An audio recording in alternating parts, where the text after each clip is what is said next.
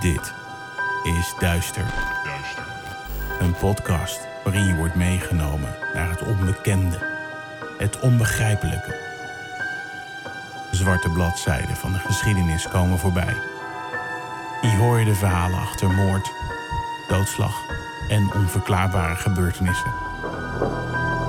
We kruipen in de hoofden van een serie moordenaars, heksen, mythische wezens. Luister en huiver naar duister. Hoi duisteraars. Ja, ik val gelijk maar met de deur in huis. Ik heb slecht nieuws, goed nieuws en slecht nieuws. En ik begin met het slechte nieuws. Ehm, Kim heeft corona, dus helaas vandaag geen special. Maar het goede nieuws is dat ik wel het spook bij me heb. Ja, hallo iedereen. Hallo spook, hoe gaat het met je? Ja, goed, dat moet jij weten, want wij wonen in principe met elkaar in een huis. maar uh, ja, het gaat wel goed. Fijn, ik ben blij dat ik hier niet alleen zit en dat jij uh, gezellig bij me zit op ik de doe bank. het graag. Oh, dat is lief. En dan heb ik nog meer slecht nieuws, maar toch ook weer een beetje goed nieuws. Mhm, mhm. Want na deze aflevering gaan wij een maandje met vakantie. Maar niet getreurd, we komen gewoon weer terug. Met de special. Met de special, want na 2,5 jaar non-stop afleveringen maken... lassen we dus een kleine pauze in. Zodat we er daarna weer fris en fruitig tegenaan kunnen. En we pakken het inderdaad, zoals het spook zei, op met de special. En ik beloof je, die wordt echt heel vet. Heel erg vet, want ik word natuurlijk altijd een beetje betrokken bij het proces. En dit is wel echt een speciale special. Mhm. Hij wordt waarschijnlijk een tikkie lang, maar dat vinden jullie vast niet erg. Nee, we komen terug met een extra lange speciale special. Yes. Laten we het daar maar op houden. Maar jullie moeten nog wel een klein beetje geduld hebben. Dat klopt. Ehm, ik hoop ook wel dat de meeste mensen dat van jullie wel zullen begrijpen. Want we zijn natuurlijk al een behoorlijk lange tijd bezig met Duister, zonder onderbrekingen. En nou ja, met Kim die corona heeft. En eh, afgelopen Jij hebt een nieuwe baan. maanden, Ik heb een nieuwe baan. Het was druk. Dus het is tijd om gewoon eventjes een stapje terug te doen. En dan met goede moed er weer aan te beginnen. Dus Ja, en we, nogmaals, hoop- we hoopten natuurlijk... Sorry, ik onderbrak je. nee, dat maakt niet uit. We hoopten natuurlijk er met een knal uit te gaan met de special. Eh, nou ja, eh, er zijn nou eenmaal gewoon quarantaineregels. En we willen eigenlijk ook zelf gewoon niet ziek worden. Nee. Dus ja, we hebben gewoon geen keuze. We willen wel iets releasen. Daar komt DAF nu over. Kim en ik hebben namelijk vorig jaar een aantal shorts opgenomen. Korte verhalen over een moordzaak of ehm, de, mijn kant van deze podcast. Dus een beetje paranormale verhalen. Die hebben we kort opgeschreven en al opgenomen. Dus nou ja, om jullie tegemoet te komen hebben we een aantal vandaag achter elkaar geplakt. Zodat je toch nog wat te luisteren hebt. Dus niet getreurd. Ook deze week kunnen jullie gewoon weer lekker duisteren. Maar voor we beginnen, nog eerst even ons reclamemomentje. Ja, dat klopt. De afgelopen maanden hebben we je verteld hoe fijn Storytel werkt en hoe vaak we de app gebruiken voor onze onderzoeken. Maar dat niet alleen. De populaire serie The Witcher op Netflix staat bijvoorbeeld ook op Storytel, dus ik weet wat ik ga doen na deze aflevering. Storytel kan dus een uitkomst zijn als je veel boeken luistert. Bijvoorbeeld in de auto of juist in de trein. En de keuze is dan ook zeer ruim. Je vindt er meer dan 300.000 luisterboeken en e-books. Voor ieder wat wils dus. Ja, wil je Storytel ook proberen? Dat kan. Ga naar storytel.com/duister en probeer nu 30 dagen gratis. En dan gaan we nu naar de shorts. Ja, even anders, maar veel plezier.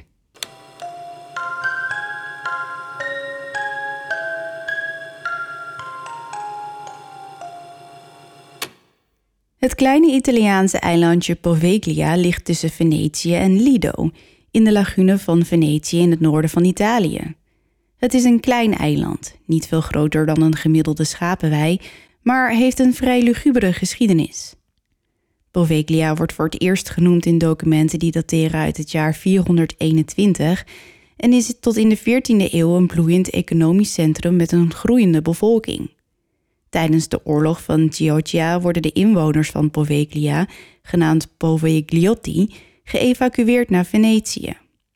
Wanneer de oorlog voorbij is, ligt Poveglia in totale verwoesting en kunnen slechts enkele tientallen inwoners naar huis terugkeren. Het lukt de overlevers niet om Poveglia weer op te bouwen en het ligt er honderden jaren compleet verlaten bij. Pas wanneer de pest Venetië treft in het jaar 1348 ontstaat het idee om het eiland opnieuw in gebruik te nemen. De pest, of soms ook wel de zwarte dood genoemd, wordt veroorzaakt door de Yersinia pestis bacterie. Wereldwijd hebben verschillende pestepidemieën miljoenen doden veroorzaakt. De bacterie verspreidt zich via vlooien op ratten, maar wanneer ratten te dicht naast mensen leven, kan de vloo overspringen. De beet van een besmette vloo veroorzaakt vaak de builenpest, de meest voorkomende ziekte van deze bacterie. De builenpest kent een hoge mortaliteit. Zonder behandeling sterft meer dan 60% van de geïnfecteerden. De ziekte veroorzaakt zeer pijnlijke lymfeklierzwellingen, bijvoorbeeld in de lies, hals of oksels, en naarmate de ziekte vordert, treedt er koorts en delirium op. Zonder antibiotica valt de builenpest moeilijk te overleven. Er zijn verhalen bekend van mensen die wonderbaarlijk genazen na het nemen van bepaalde kruiden, of het overzwemmen van een rivier, of het opensnijden van een pestbuil. Dit zijn waarschijnlijk toevalstreffers en de patiënt had zonder deze behandelingen ook overleefd, gewoonweg omdat het lichaam op eigen kracht de bacterie had bestreden. Wanneer er een pestepidemie in volle hevigheid toeslaat in Venetië, neemt de paniek onder de inwoners toe. Mensen sterven met tientallen tegelijk. Dagenlang liggen lijken op straat, te rotten in de volle zon. Soms sterven hele families uit en weet niemand dat zij zich nog in een huis bevinden. Er is geen voedsel, geen vers water en de pestmeesters komen handen tekort. Vaak komt hun behandeling te laat en het enige wat ze kunnen doen is het lijden verzachten. Maar dan krijgt het bestuur van Venetië een idee. Het isoleren van geïnfecteerden zodat de ziekte zich niet verder kan verspreiden. Een periode van 40 dagen bijvoorbeeld, afgekeken van de kerkelijke vastenperiode. Caranta of quarantaine noemen ze het. En wat is nou een ideale plek voor zo'n quarantaine? Juist, een eiland. Het eiland Boveglia. Iedereen die ook maar iets van symptomen vertoont, wordt uit zijn huis getrokken en naar de haven gestuurd. Duizenden zieken worden in gammele bootjes naar het eiland vervoerd. Er is weinig tot geen medische zorg aanwezig op het eiland en de meeste mensen worden gewoonweg achtergelaten om een pijnlijke, langzame dood te sterven. Het moet vreselijk geweest zijn. Duizenden zieken op een klein eilandje. Overal dode, rottende lichamen. Stapels lijken. Gehuil, geschreeuw, gejammer. Geen bedden, geen voedsel, geen water. De doden worden in massagraven op het eiland gegooid. Werkers zijn dag en nacht bezig met het afvoeren van lichamen. Soms gaat het fout en belanden nog levende patiënten per ongeluk in een graf of worden ze levend verbrand. Tientallen jaren dient Poveglia als lazaretti, ofwel een quarantainestation. In 1777 verandert de magistraat van Venetië het eiland in de belangrijkste lazaretti voor de builenpest. Elk schip dat naar Venetië vaart moet eerst in Poveglia stoppen voor een inspectie. Als een zeeman tekenen van de pest vertoont, wordt hij 40 dagen in quarantaine geplaatst. Veel zeelui noemen Poveglia nu het eiland van de geesten. Dit omdat volgens hen de geesten van duizenden pestslachtoffers nog altijd op het eiland ronddolen. Om Poveglia's donkere geschiedenis nog duisterder te maken, wordt er in 1922 een gesticht gebouwd op het eiland. Doordat er geen documenten worden bijgehouden in het ziekenhuis, weten we niet veel van wat zich daar heeft afgespeeld. Er gaan geruchten dat een dokter, genaamd dokter Paulo, die zelf leed aan ongediagnosticeerde dementie, verschrikkelijke experimenten uitvoerde op zijn patiënten. De lobotomie is aan het begin van de 20e eeuw een revolutionaire nieuwe behandeling en wordt door deze dokter Paulo veelvuldig uitgevoerd. Maar niet alleen de lobotomie is bij hem favoriet, ook martelt hij zijn patiënten en laat hen verschrikkelijke experimenten ondergaan. Er wordt gezegd dat hij hen s'nachts meenam naar de toren van het gesticht, waar hij ze naar zijn gruweldaden voor dood achterliet.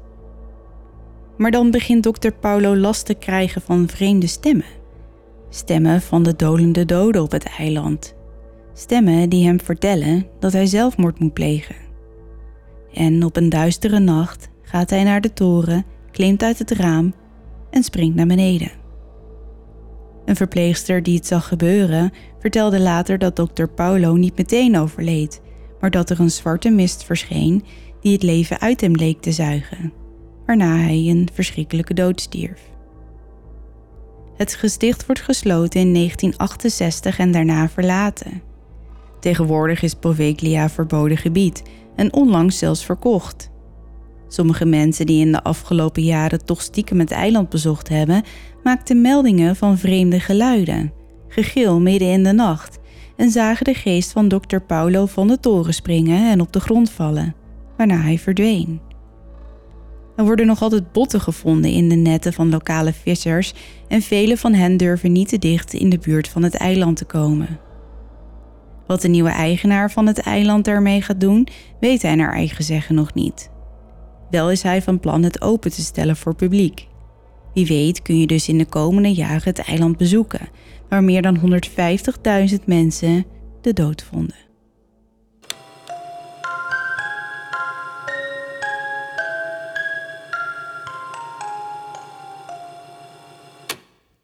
Dit is het verhaal van Erin Caffey. Erin is 16 jaar oud en krijgt thuisonderwijs. Ze heeft een baantje als serveerster bij Sonic, een fastfoodrestaurant. Hier leert ze haar vriend Charlie kennen. Hij is 18 jaar oud en zit in zijn laatste jaar van de middelbare school. Hij staat er onbekend nogal een heet hoofd te zijn, een ruige jongen die hield van het buitenleven. De ouders van Erin, Terry en Penny waren op ze zacht gezegd niet blij met deze relatie. De normaal zo welgemanierde puber begint met feesten en verzet zich tegen de regels van haar ouders. Terry, de vader van Erin, had een slecht gevoel bij Charlie en hij wilde eigenlijk dat Erin geen tijd met hem doorbracht. Hij vond dat ze veel te hard van stapel liepen en de invloed die Charlie op zijn dochter had, zat hem helemaal niet lekker. Na pas vijf maanden daten geeft Charlie Erin een promise ring. Een promise ring, oftewel een beloftering, wordt vaak gezien als het opstapje of de voorloper van een verlovingsring. De ring symboliseert exclusiviteit en de intentie om ooit met elkaar te trouwen. De ring was van zijn oma geweest en hij vertelt al zijn vrienden dat hij van plan is om met Erin te trouwen. Terry en Penny hebben drie kinderen, waarvan Erin de oudste is. Ze heeft twee jongere broertjes, Tyler en Matthew. Het gezin is erg gelovig en ze zijn heel erg actief in hun kerk. De hele familie speelt muziek in de kerk en Terry is in 2008 bezig met een opleiding tot predikant. Tyler, haar broertje van acht, speelt gitaar in de kerk. Haar 13-jarige broertje Matthew speelt harmonica. De moeder van Erin, Penny, speelt piano. Erin is de zangeres van de familie. Het komt wel eens voor dat Erin zo vol overgave zingt dat de emoties het overnemen en ze in huilen uitbarst. Erin haalt haar ouders over om haar terug te laten gaan naar school. En Terry en Penny stemmen toe. Erin, die nu bij Charlie op school zit, brengt zoveel mogelijk tijd met hem door en haar cijfers beginnen eronder te lijden. Haar ouders beginnen zich zorgen te maken en ze besluiten een online onderzoek te doen naar de vriend van hun dochter. Als ze op zijn MySpace-profiel komen, schrikken ze. Zijn pagina staat vol met posts over alcoholgebruik en seks Iets wat Terry en Penny vreselijk vinden. In februari 2008 eisen ze van Erin dat ze haar relatie met Charlie verbreekt. Dit is een keerpunt voor Erin. Ze begint haar vrienden te vertellen dat ze van plan is haar ouders te vermoorden, omdat ze Charlie niet meer mag zien. Als zij uit de weg geruimd zijn, kan ze verder met Charlie. Erin en Charlie schakelen de hulp in van hun vriend Charles Wade en de drie beginnen de moord op haar ouders te plannen. Op 1 maart 2008, als het gezin ligt te slapen, parkeren Charlie, Charles en de vriendin van Charles, Bobby Johnson, voor het huis van de familie Caffey. Charlie en Charles stappen uit en Erin sluipt uit haar huis, nog steeds in haar pyjama. Ze stapt bij Bobby in de auto. Het schijnt dat Erin, als Charlie tegen haar zegt dat hij ook haar zal moeten vermoorden om geen getuigen achter te laten, het volgende zegt: Het kan me niet schelen, doe wat je moet doen. Terry en Penny zijn in diepe slaap als Charlie en Charles hun kamer binnenkomen. Charlie lost verschillende schoten in de twee met zijn kaliber 22 pistool. Terry wordt geraakt door vijf kogels. Als het pistool blokkeert, tovert Charles een samurai zwaard tevoorschijn en snijdt Penny's keel door. Ze wordt bijna onthoofd. In de veronderstelling dat Terry en Penny dood zijn, gaan ze naar de slaapkamer van Tyler en Matthew. Terry, die nog in leven is, maar op het punt staat om het bewustzijn te verliezen, hoort Matthew, die wakker is, roepen: Nee, Charlie, nee, waarom doe je dit? Ze doden Tyler met een schot in zijn gezicht en Matthew, die zich verstopt heeft in een kast, komt om het leven door mes steken. Charlie en Charles steken hem om de beurt, net zolang tot Matthew dood is. Voor ze het huis verlaten, maken ze nog één rondje om het een en ander te stelen. Daarna gieten ze overal in het huis aanstekervloeistof en steken het huis in de fik. Het duurt niet lang voordat de vlammen om zich heen slaan. Terry, die op wonderbaarlijke wijze weer bij bewustzijn is, kruipt uit een raam om zichzelf te redden. Met vijf kogelwonden en hevig bloedend kruipt hij naar het huis van zijn buren die zo'n 200 meter verderop wonen. Hij doet er een uur over om het huis te bereiken en om hem hulp te vragen. De buren bellen de politie, de brandweer en een ambulance en Terry wordt afgevoerd naar het ziekenhuis. Terwijl hij in het ziekenhuis ligt, vertelt hij de politie dat de vriend van zijn dochter, Charlie, verantwoordelijk is voor zijn verwondingen en de dood van zijn vrouw en zoons. Na de gruwelijke moorden neemt Charlie een koffer mee die Erin van tevoren heeft ingepakt. Als hij terugkomt bij de auto, glimlacht Erin en zegt: Ik ben blij dat het achter de rug is. Met zijn vieren rijden ze naar de woonwagen van Charlie in de veronderstelling dat haar ouders en broertjes overleden zijn en dat het vuur al hun sporen uitwist. Aangekomen bij Charlie's huis, wetende dat haar ouders en broertjes dood zijn, hebben Charlie en Erin seks. Het duurt niet lang voordat Charlie gearresteerd wordt en al snel volgen Charles en Bobby. Nadat ze Erin vinden in het huis van Charlie, vertelt ze hen dat ze ontvoerd is en dat ze tegen haar wil is meegenomen naar het huis van Charlie. Ze lijkt in shock te verkeren. Agenten nemen haar en haar opa en oma mee naar het ziekenhuis om haar vader te bezoeken. Maar als ze onderweg zijn, krijgen ze een telefoontje dat Erin ook een verdachte is. Ze slaan haar gelijk in de boeien. Erin barst in tranen uit en verzekert haar opa en oma dat ze niets met de zaak te maken heeft. Ze worden alle vier ondervraagd en het duurt niet lang voordat ze de schuld op elkaar proberen af te schuiven. Erin's verhaal dat ze ontvoerd is verliest al snel geloofwaardigheid als Charlie en Charles beide haar aanwijzen als een brein achter de moorden. Charles zegt dat hij is omgekocht met de belofte van 2000 dollar als hij zou helpen bij de moorden. Charlie zegt dat hij geprobeerd heeft om Erin zover te krijgen om gewoon met hem weg te lopen en nooit meer naar huis terug te keren maar dat Erin erop stond dat de moorden gepleegd zouden worden. Ze wilde gewoon van haar ouders af. Ze krijgen alle vier moord met voorbedachte raden ten laste gelegd en de officier van justitie eiste voor Charles en Charlie de doodstraf. Terry steekt hier echter een stokje voor. Zijn geloof heeft hem geleerd te vergeven en hij vraagt om de doodstraf van tafel te halen. Ook voor Erin willen ze in eerste instantie voor de doodstraf gaan, maar Terry vraagt ook hier om niet om de doodstraf te vragen. Erin krijgt een levenslange straf opgelegd met kans op vrijlating. Charlie en Charles krijgen levenslang zonder kans op vrijlating en Bobby krijgt een straf van 40 jaar. Terry houdt nog steeds van zijn dochter en hij heeft het haar vergeven. Erin ontkent nog steeds dat ze iets met het plan om haar ouders te vermoorden te maken heeft gehad. Ze heeft Terry verteld dat ze wist dat Charlie en Charles de moorden wilden plegen, maar dat ze gedwongen werd om in de auto te blijven en er niet uit kon. Nu Erin in de gevangenis zit, hebben Terry en Erin nog steeds contact en hij gelooft het verhaal van haar ontvoering. Hij bezoekt haar regelmatig in de gevangenis in Gatesville, Texas. In maart 2038 maakt Erin kans op vrijlating.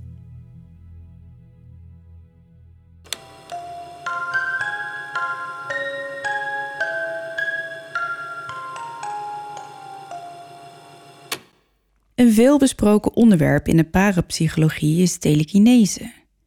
De officiële term voor dit fenomeen is psychokinese en komt uit het Oud-Grieks. Psycho, de geest, en kinese betekent beweging.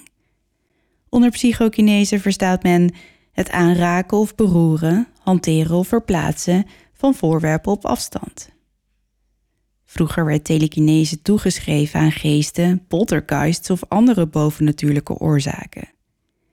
Het idee dat de mens veroorzaker zou kunnen zijn van het fenomeen was nog nooit eerder bedacht. Die gedachte werd voor het eerst gevormd door de Rus Alexander Aksakov in 1890 en later overgenomen door de Amerikaanse Henry Holt, die de term gebruikte in zijn boek On the Cosmic Relations in 1914. In 1930 verhuist telekinese van het rijk der bovennatuurlijke naar de wetenschap. In de jaren 30 begint de Amerikaanse parapsycholoog J.B. Ryan experimenten uit te voeren waarbij hij alle paranormale zaken die eerder verband hielden met telekinese weghaalt en het reduceert tot de meest simpele benadering om het in een laboratoriumomgeving te testen. In 1934 ontmoet Ryan een jonge gokker die hem vertelt dat hij met zijn verstand kan dobbelen. De resultaten van de test van Ryan op het vermogen van de jonge man zijn verrassend bemoedigend. Ryan voert zijn laboratoriumexperiment uit om te zien of de man echt de uitkomst van de gegooide dobbelstenen kan beïnvloeden. Tegen het einde van 1941 heeft hij meer dan 650.000 worpen getest, waarbij de resultaten suggereren dat psychokinese inderdaad mogelijk is. Robert M. Schock, een geleerde in geologie en geofysica en universitair hoofddocent natuurwetenschappen aan de Boston University, schrijft in 1997 over zijn geloof in psychokinese. Zijn boek The Parapsychology Revolution, A Concise Anthology, duikt diep in het onderwerp met bewijsmateriaal dat gehaald is uit het Princeton Engineering Anomalies Research Lab, oftewel PAIR. PAIR doet onderzoek naar buitenzintuigelijke waarnemingen en psychokinese. De oprichter van het lab, Robert John, vertelt de New York Times in 2007: Als mensen ons nog niet geloven naar alle resultaten die we naar buiten hebben gebracht, dan zullen ze dat ook nooit doen. PAIR ontstaat eind jaren 70 dankzij de afstudeerscriptie van een nieuwsgierige Princeton-student. Met behulp van een generator genaamd RAG, wat staat voor Random Event Generator, test ze of de proefpersoon psychokinese kan gebruiken. De rack is in dit geval een machine die munten opgooit. Het doel van de student is om te zien of de proefpersoon die de rack bedient de machine mentaal kan manipuleren om meer koppen dan munten te gooien. De bevindingen van het experiment laten een klein verschil zien tussen de rack-onderzoeken, waarbij een menselijke deelnemer betrokken is, en die waarbij dat niet het geval is. Een klein verschil dus, maar statistisch significant. Robert John, die op dat moment de decaan van de studenten is, is zo onder de indruk van haar succes dat hij de studie van psychokinese als een van zijn onderzoeksgebieden opneemt en PER opricht. Een van de baanbrekende onderzoeken van PER is een experiment met biljartballen. Robert maakt een apparaat dat 9000 biljartballen laat vallen in een reeks van 19 dozen. Wanneer er geen mens aanwezig is tijdens het experiment, vallen de ballen consequent met een trapsgewijs effect waarbij de middelste doos de meeste ballen krijgt, terwijl de dozen links en rechts steeds minder krijgen. Wanneer er een menselijke deelnemer wordt gevraagd om te proberen de machine mentaal te beïnvloeden, vallen de meeste ballen rechts van het midden. En dan in 1984 vraagt het US Army Research Institute de National Academy of Sciences om een wetenschappelijk panel te vormen om bewijs van 130 jaar paropsychologie te onderzoeken. Het leger is geïnteresseerd in de mogelijke militaire toepassingen van psychokinese. Zo zou het waardevol kunnen zijn om iemand te hebben die de wapens van een vijand op afstand kan blokkeren of verstoren. Er zijn enkele officieren die in psychokinese geloven en vervolgens het PER-laboratorium bezoeken. Of er daarna een samenwerking tussen PER en de Amerikaanse overheid is geweest, is niet bekend. In 1991 stellen Nobelprijswinnaar Brian Josephson en co-auteur Fotini Palikaraveras dat zowel psychokinese als telepathie verklaarbaar zouden kunnen zijn met behulp van kwantumfysica.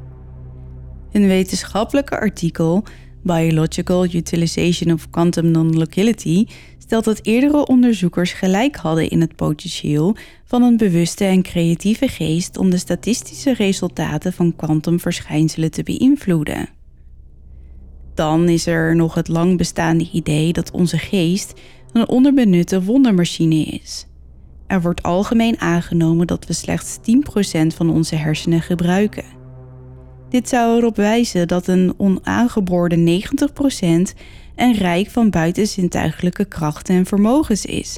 En dat sommige mensen die beweren gebruik te kunnen maken van psychokinese een manier gevonden hebben om die krachten te benutten. Op de vraag of psychokinese echt bestaat, is dus geen duidelijk antwoord. Wetenschappelijk en statistisch gezien zou het kunnen, maar buiten Uri Geller, waarvan nog steeds niet duidelijk is of hij nou wel of niet een fraudeur is, zijn er geen mensen met overduidelijk bewijs naar voren getreden.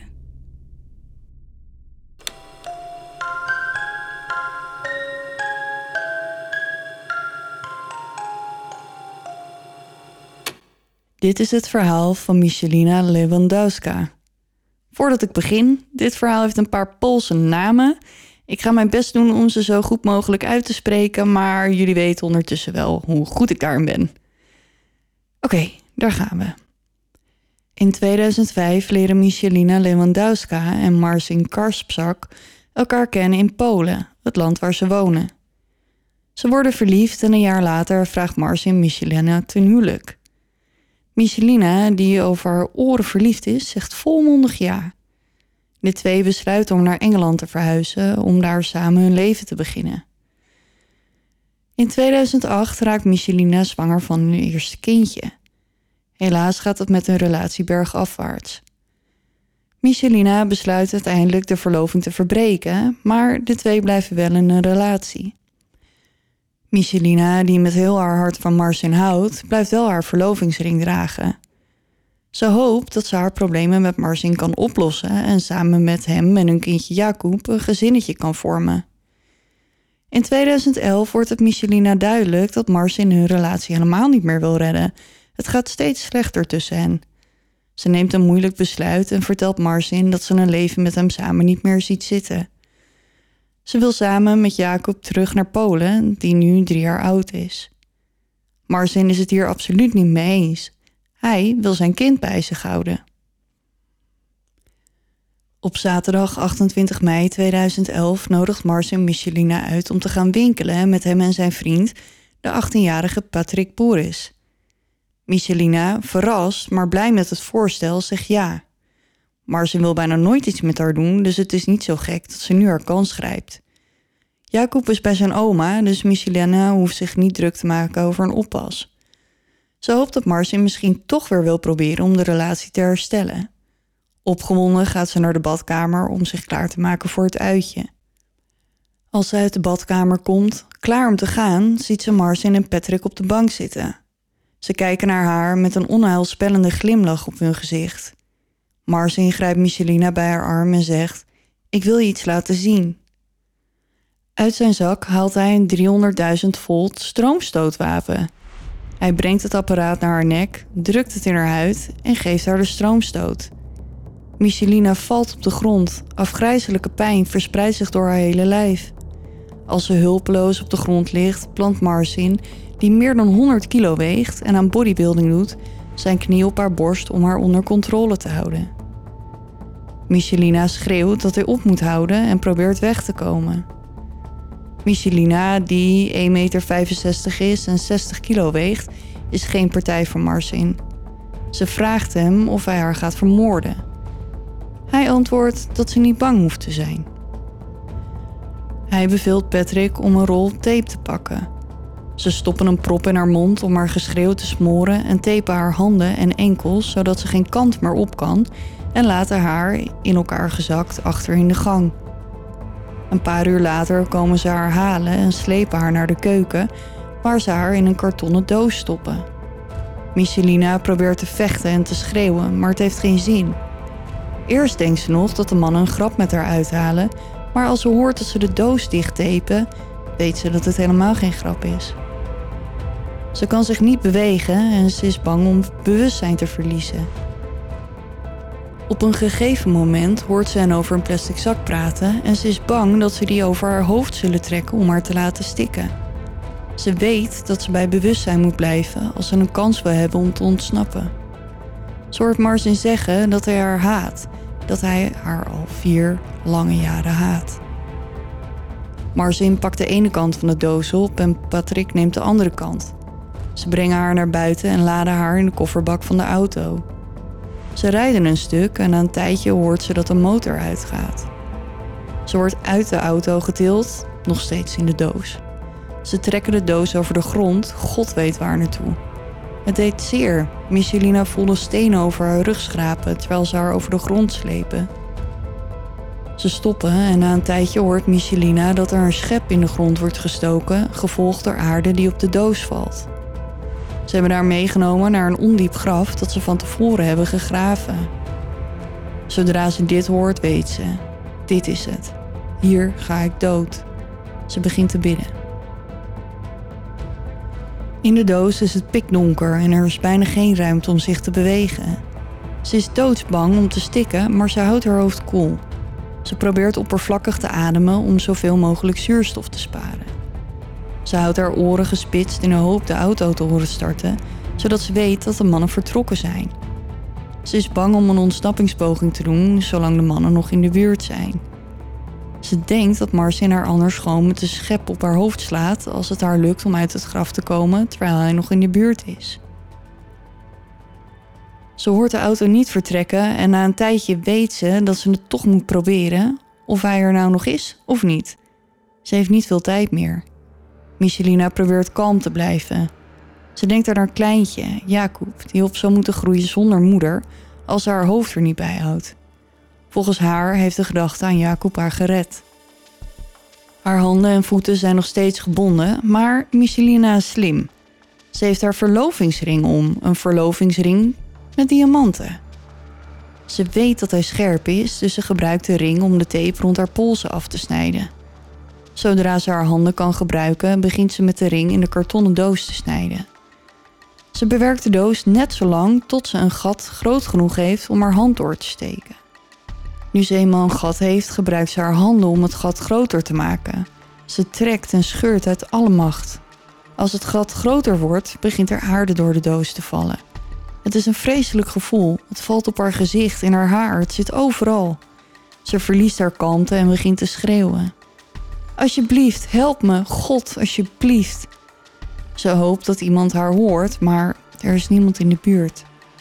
Als er niemand reageert, denkt ze dat ze het niet gaat halen. Dat ze zal stikken in een doos vol aarde onder de grond. Dat haar zoontje misschien nooit te weten komt waar zijn moeder gebleven is. Ze schopt tegen de doos, graait met haar handen in de aarde, gebruikt de ring om de doos kapot te maken. Ze merkt dat ze zwakker begint te worden, maar ze zet door. Als het gat groot genoeg is, duwt ze haar hoofd erheen, door de aarde en ze eindigt boven de grond. Het is donker buiten, maar ze ziet de bomen, de blaadjes en de lucht. Ze neemt grote teugen frisse lucht, lucht die ze heel hard nodig heeft.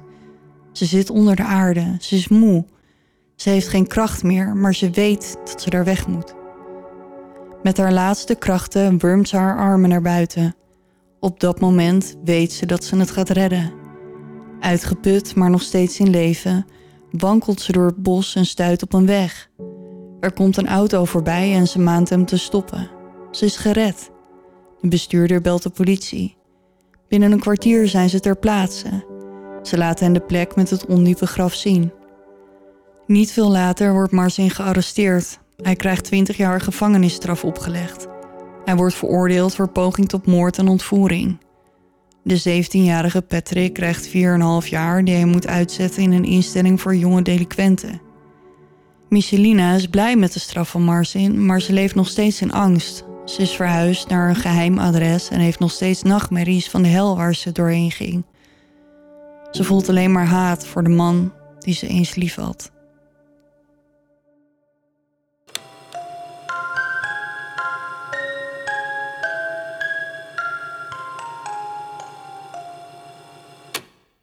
Ja, we zijn alweer aan het einde gekomen van deze aflevering. Oh. Oh, helaas dus geen special.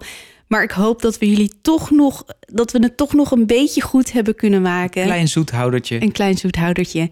En hierna zijn we er dus even twee keer niet. Maar 2 maart zijn we terug en dan pakken we lekker groot uit met een extra lange special. Precies. Nou, jongens, dank voor het luisteren. Ik ga weer snel achter mijn computer zitten, want ik voel me heel erg uit mijn element hier. maar goed, en nu mag ik dus wel even één keer. en onthoud, Blijf in het licht, want je weet nooit wat er in het duister Je gaat wacht. snel, man. Ik kan je niet bijhouden. Dit gaat beter met Kim. Kom, we doen het nog een keer. En onthoud, Blijf in het licht, want je weet nooit wat er in het duister op je wacht. Je moet meer sfeer creëren, Spook. Je moet even beter oefenen nog. Maagsfeer.